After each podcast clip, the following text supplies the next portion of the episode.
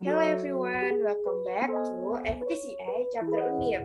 Nah, sebelum kita masuk ke pembahasan kita pada episode kali ini, uh, kenalan dulu kali ya sama siapa aja sih speaker yang bakal nemenin kalian selama beberapa menit ke depan. Nah, kalau yang udah dengerin episode sebelumnya, pasti udah kenal suaraku dong ya. Iya, aku Zahra, mahasiswa semester 2 di Hubungan Internasional Universitas Diponegoro. Selain aku ada siapa sih? Halo semuanya, kenalin ada aku Feli yang juga bakal nemenin kalian di episode kali ini. Sama kayak Zahra, aku sekarang juga kuliah di Undip jurusan Hubungan Internasional semester 2. Nah, yang terakhir ada mas-mas ganteng Undip nih, siapa ya? Bisa aja Feli. Halo guys, kenalin nama aku Ardi atau biasa dipanggil Didi. Ya, aku juga udah menyapa kalian loh di episode perdana kita kemarin anak HI 21 kayak Zahra dan Feli. Salam kenal semuanya. Salam kenal Ardi. Alright, maybe sekarang kita bisa langsung bahas ke topik aja ya. Pasti listener udah pada nggak sabar nih. Gaspol remblong dong, Zah. Oke, kali ini kita bakal bahas mahasiswa kupu-kupu versus kura-kura. Waduh, apaan tuh? Coba dong jelasin artinya. Oke, aku bakal jelasin apa itu mahasiswa kupu-kupu ya. Jadi, mahasiswa kupu-kupu atau kuliah pulang kuliah pulang adalah mahasiswa yang hanya datang ke kampus untuk kuliah dan akan pulang setelah jam perkuliahan selesai nih. Mahasiswa ini cenderung nggak suka mengikuti kegiatan non-akademik loh, kayak kepanitiaan maupun organisasi kampus. Alasannya karena mereka ingin fokus kuliah biar dapat IPK tinggi dan lulus tepat waktu atau mereka emang punya kesibukan di luar kampus gitu loh kayak kerja part time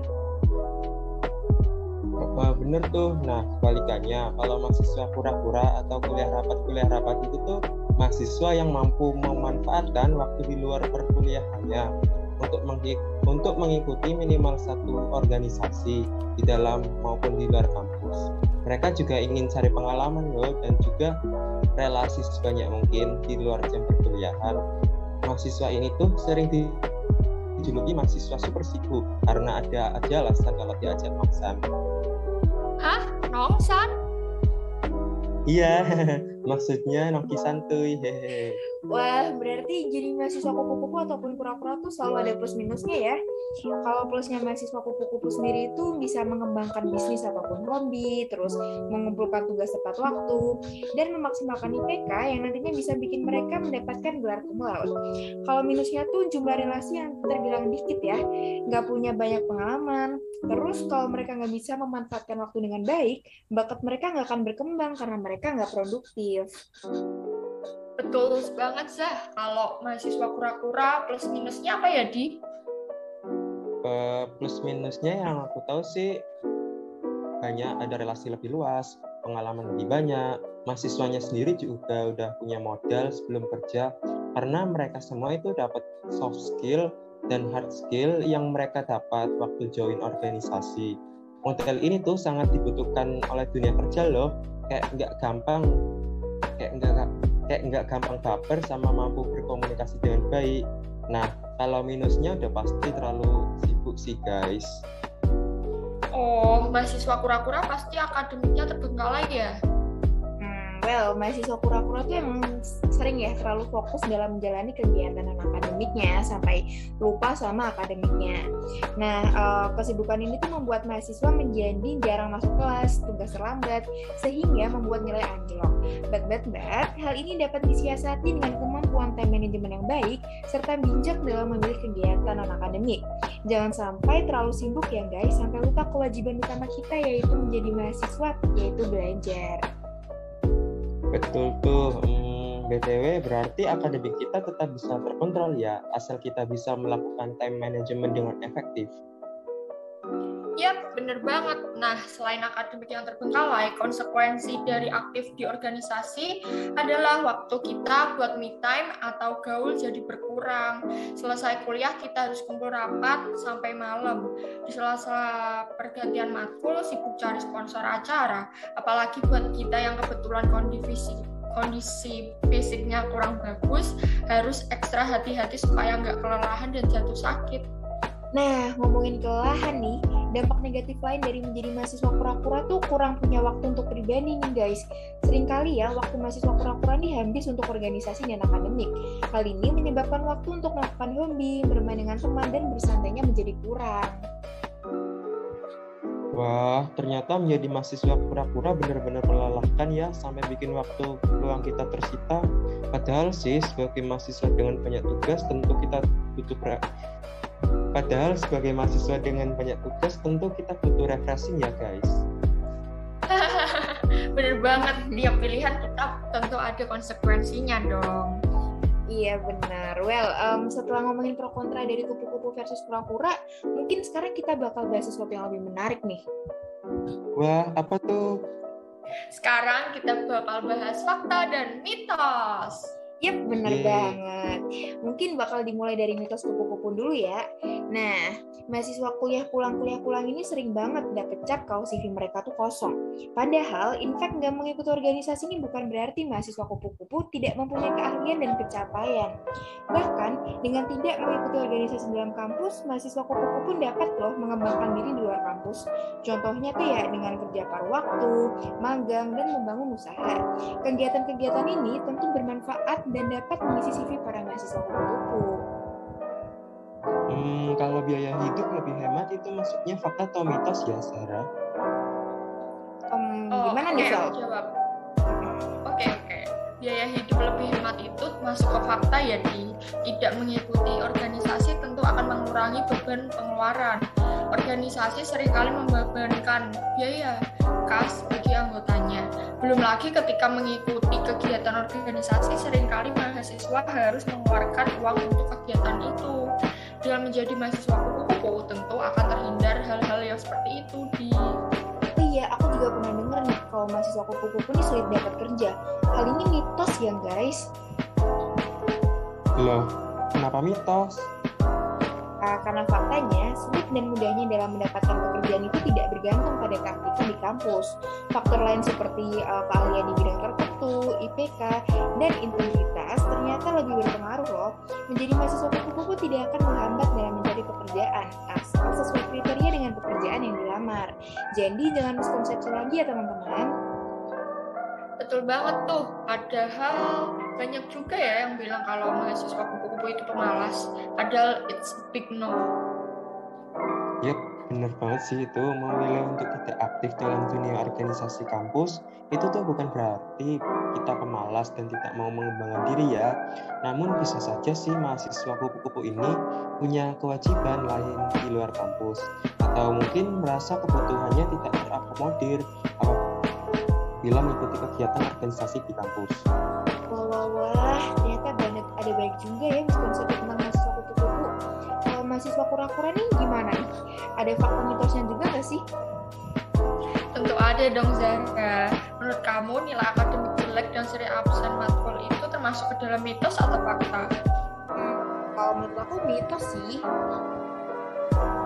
Setuju setuju sob nah, salah satu penyebab nilai akademik menurun itu tuh karena mahasiswa tersebut memang tidak memprioritaskan atau kurang pandai manajemen waktu namun sebetulnya sih tergantung dengan pribadi masing-masing ya ada yang tetap bisa aktif berorganisasi dan nilai akademik aman atau malah justru malah merasa tajam kalau kita lihat sih malah banyak orang-orang penting yang lahir dan dibesarkan dari organisasi dan malah sering menjadi sorotan karena segudang prestasi.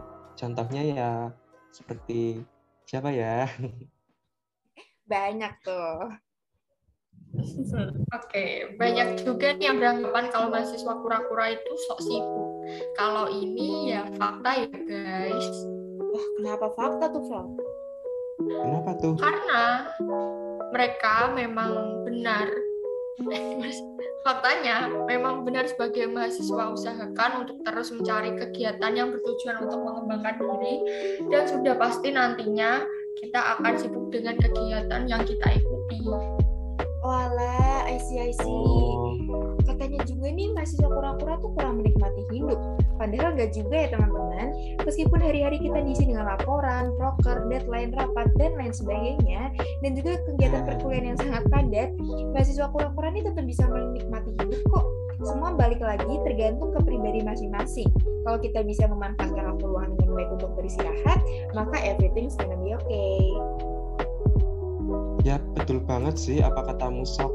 Aku pernah dengar juga nih, saking padatnya mahasiswa kura-kura, mereka bakal molor kuliah. Ini maksud ini masuknya fakta atau mitos ya? mitos dong Mas Ardi. Mahasiswa yang aktif organisasi pun banyak yang justru lulus tepat waktu, bukan waktu yang tepat. Selain itu, kebanyakan mahasiswa pura-pura ini memiliki jiwa ambisius sehingga jarang menunda pekerjaan. Nah, hebatnya lagi juga pasti bisa mengatur waktu dengan baik, kapan fokus kuliah dan kapan berorganisasi. Oh alah, jadi gitu. Hmm, hmm, katanya juga nih mahasiswa pura-pura itu susah dapat pacar. Benar nggak sih, Sob? Ini mitos ya teman-teman, mitos. Hal ini juga tergantung masing-masing orang. Mungkin bagi sebagian orang uh, karena terlalu sibuk organisasi jadi nggak punya waktu untuk cari pacar atau menjalin hubungan dengan lawan jenis. Bisa aja akibat fokus utama atau prioritasnya bukan in relationship. Tapi ada juga loh yang berpendapat kalau dengan ikut organisasi ini membuka peluang yang besar untuk dapat pacar. Karena apa? Karena bertemu dengan orang-orang baru dan siapa tahu cocok loh. Kemudian dengan menjalin banyak relasi dengan mahasiswa lain tidak menutup kemungkinan kita bisa bertemu dengan jodoh. bener tuh jangan takut gak dapat pacar ya di karena ikut organisasi. Karena jodoh itu udah dia ngatur. Tuh dengar.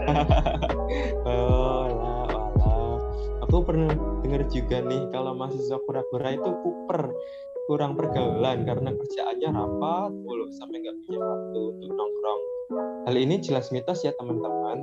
Kenapa mitos tuh nih Hmm, kenapa mitos? Karena yang pertama, dengan aktif berorganisasi, mahasiswa kura-kura ini mendapatkan berbagai soft skill yang akan dibutuhkan di dunia kerja. Kedua, mahasiswa kura-kura mendapatkan kesempatan networking yang lebih besar dibanding mereka yang bukan mahasiswa kura-kura. Ketiga, dan yang nggak kalah penting, mahasiswa kura-kura masih punya waktu buat nongkrong. Karena ketika rapat, mereka dapat mencoba dapat mencoba kafe, dan mengeksplorasi berbagai spot terbaru di sekitar kampus untuk menemukan ruang rapat paling asik. Wah, menarik, menarik. Katanya juga mahasiswa kura-kura itu ribet loh. ribet gimana maksudnya?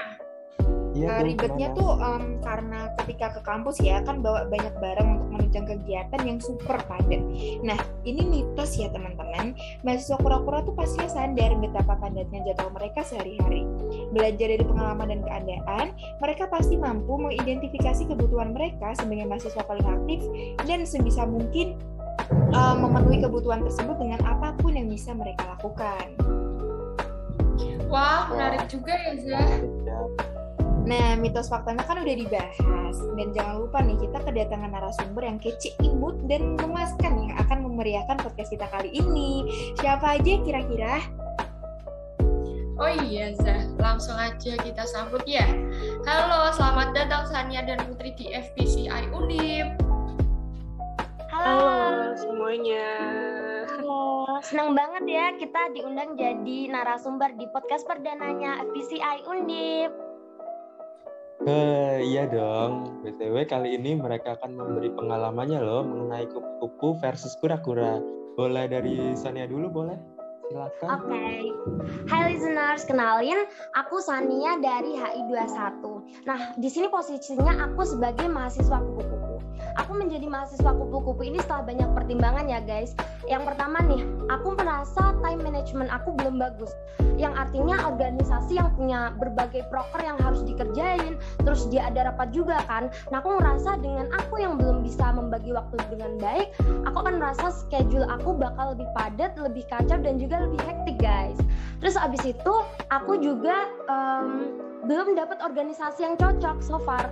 Tapi aku pengen guys ikut organisasi mungkin kalau semester depan ada organisasi yang aku ngerasa aku cocok mungkin aku bakal ikut. Dan juga ada nih alasan yang terakhir seperti yang kalian tahu ya kalau jadi mahasiswa kupu-kupu tuh kan banyak waktu. Otomatis kita bisa me time terus kita bisa kumpul bareng sama keluarga main sama teman dan juga kita bisa ngembangin hobi. Nah ini dari pengalaman pribadi aku sendiri ya guys. Jadi aku tuh uh, akhir-akhir ini suka banget volley Nah, Hmm. volley volley ini sendiri tuh aku eh, nggak asing gitu. Aku suka volley dari SD. Terus abis itu pas SMA aku ada kesempatan buat ikut popda guys. Cuman aku nggak Oh. menang. itu Nggak karena apa? Karena aku Iya, aku ngerasa skill aku nggak layak. Aku belum ada waktu buat ngembangin skill. Nah, gara-gara aku jadi mahasiswa kupu-kupu ini, aku jadi ada waktu buat ngembangin skill volley aku. Dan juga Wah, kebetulan keren. Iya di rumah aku tuh uh, baru dibangun lapangan voli buat cewek-cewek. Jadi kayak ibu-ibu terus anak SD semuanya cewek-cewek jadi ikut voli. Jadi gitu guys. Oke, berarti nganu ya Sania jadi mahasiswa kupu-kupu tuh melalui banyak pertimbangan dan juga aku lihat nih self love-nya udah besar banget nih.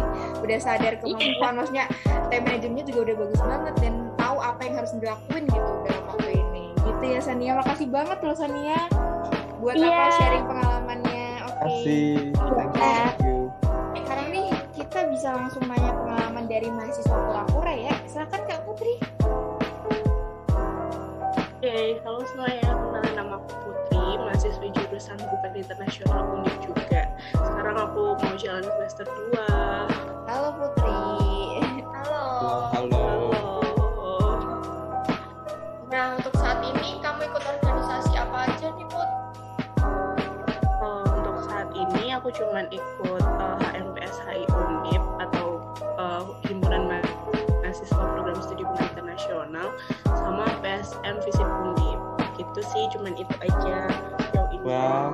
Wah keren banyak juga ya kegiatanmu. Pasti sibuk banget nih. Kalau sibuk enggak sih, tapi ya ya gitulah pokoknya. Kalau boleh tahu gimana sih cara kamu bagi waktu antara organisasi dan kuliahnya? Uh, kalau buat aku pribadi pastinya kuliah tetap nomor satu ya karena kan aku ke Undip itu buat kuliah bukan buat organisasi terus ya uh, sebisa mungkin nyelesain tugas-tugas kuliah dulu baru ke organisasi. Terus aku juga kadang bikin to-do list gitu tiap minggunya gitu nulis agenda aku dari hari Senin sampai Minggu tuh ngapain aja. Terus kalau nggak ditulis kan kadang suka lupa gitu kan. Terus uh, biar biar gampang ya biar gampang lihatnya juga. Terus kalau misal ada yang bentrok ya pasti tiap orang punya skala prioritas gitu. Kalau apa namanya kalau misalnya aku lebih dibutuhkan di mana ya ya udah ke situ dulu baru nanti ke yang satunya. Gitu sih kalau buat aku pribadi. Wah, Kalau plus minus jadi mahasiswa pura-pura, kamu apa sih? uh, awal jadi mahasiswa pura-pura ini kan dibilang uh, kalau le- join lebih dari satu organisasi atau mungkin beberapa beberapa kepanitiaan kan. Terus jadi mahasiswa pura-pura ini pasti punya tantangan tersendiri gitu kan di mata orang gitu. Kita juga harus punya time management yang bagus biar uh, organisasi ini nggak berdampak ke perkuliahan kita ke IPK kita gitu. Terus kalau menurut aku plusnya ya pasti uh, nambah relasi gitu kan, entah itu dari uh, teman program studi sendiri atau mungkin dari uh, satu fakultas atau mungkin bisa fakultas lainnya. Terus kita juga bisa uh, multitasking, terus berpikir kritis, terus uh, bisa apa ya kayak nge-handle sesuatu gitu. Kayak yang tadi Sania bilang kayak di organisasi ada uh, prokernya kita bisa um, handle proker itu gimana cara kita nyelesain itu gimana terus kerja sama sama orang lain itu gimana gitu sih. Pastinya uh, bisa nambah relasi sama dosen juga loh Iya sih. terus kalau misalnya kendalanya ya itu tadi kayak misalnya mungkin rapatnya uh, malam atau jam 10 jam 11 gitu mungkin ya uh, ke- lebih ke kesehatan aja sih Iya. udah sih gitu aja Menarik banget ceritanya Putri. Berarti kamu time manajemennya keren banget ya. Bisa membagi Yes, waktu keren. gitu. Alhamdulillah ya bun Makasih kasih ya Putri udah berbagi pengalaman sebagai mahasiswa pura-pura. Pasti insightful banget sih buat teman-teman. Benar tuh Zahra, pengalaman-pengalaman barusan yang kita tahu ini kiranya bisa kasih kita pandangan untuk memilih jadi mahasiswa kupu-kupu atau pura-pura. Dan seperti yang kita ketahui, pasti ada juga plus dan minus dari mahasiswa kupu-kupu maupun pura-pura ya. Nah, teman-teman semua, kesimpulannya adalah balik lagi nih ke diri kita masing-masing. Kita mau pilih jadi mahasiswa kupu-kupu ataupun pura-pura, karena yang terpenting adalah pilihan kita ini pastinya adalah pilihan yang terbaik. Jadi, mau apa pun yang orang bilang ke kita, mungkin tentang minusnya jadi mahasiswa kupu-kupu ataupun pura-pura, itu ya terserah mereka. Karena kita yang jalan itu sendiri, dan ya, yeah, just do whatever we want, gitu, bukan mereka. Yes, benar sob. Eh, dan tentunya ketika kita sudah memilih untuk jadi mahasiswa seperti apa, kita juga harus bertanggung jawab loh dengan pilihan kita, bertanggung jawab dengan penuh. Karena kita perlu menjadi mahasiswa yang baik, aktif, teladan, integritas tinggi dan pastinya berprestasi. Betul banget. Like, um, udah lama juga ya. Nggak sadar nih kita udah di penghujung acara, guys. Makasih banget ya buat teman-teman semua yang udah dengerin sampai sini. Semoga semua pembahasan kita di atas ini bisa bermanfaat dan menambah insight kalian seputar organisasi dan juga perkuliahan. Aku Zahra.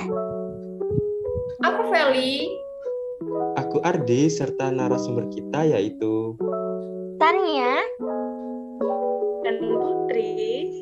Kita semua pamit undur diri ya. See you in the next episode. Bye. Bye. Bye bye. Mantap.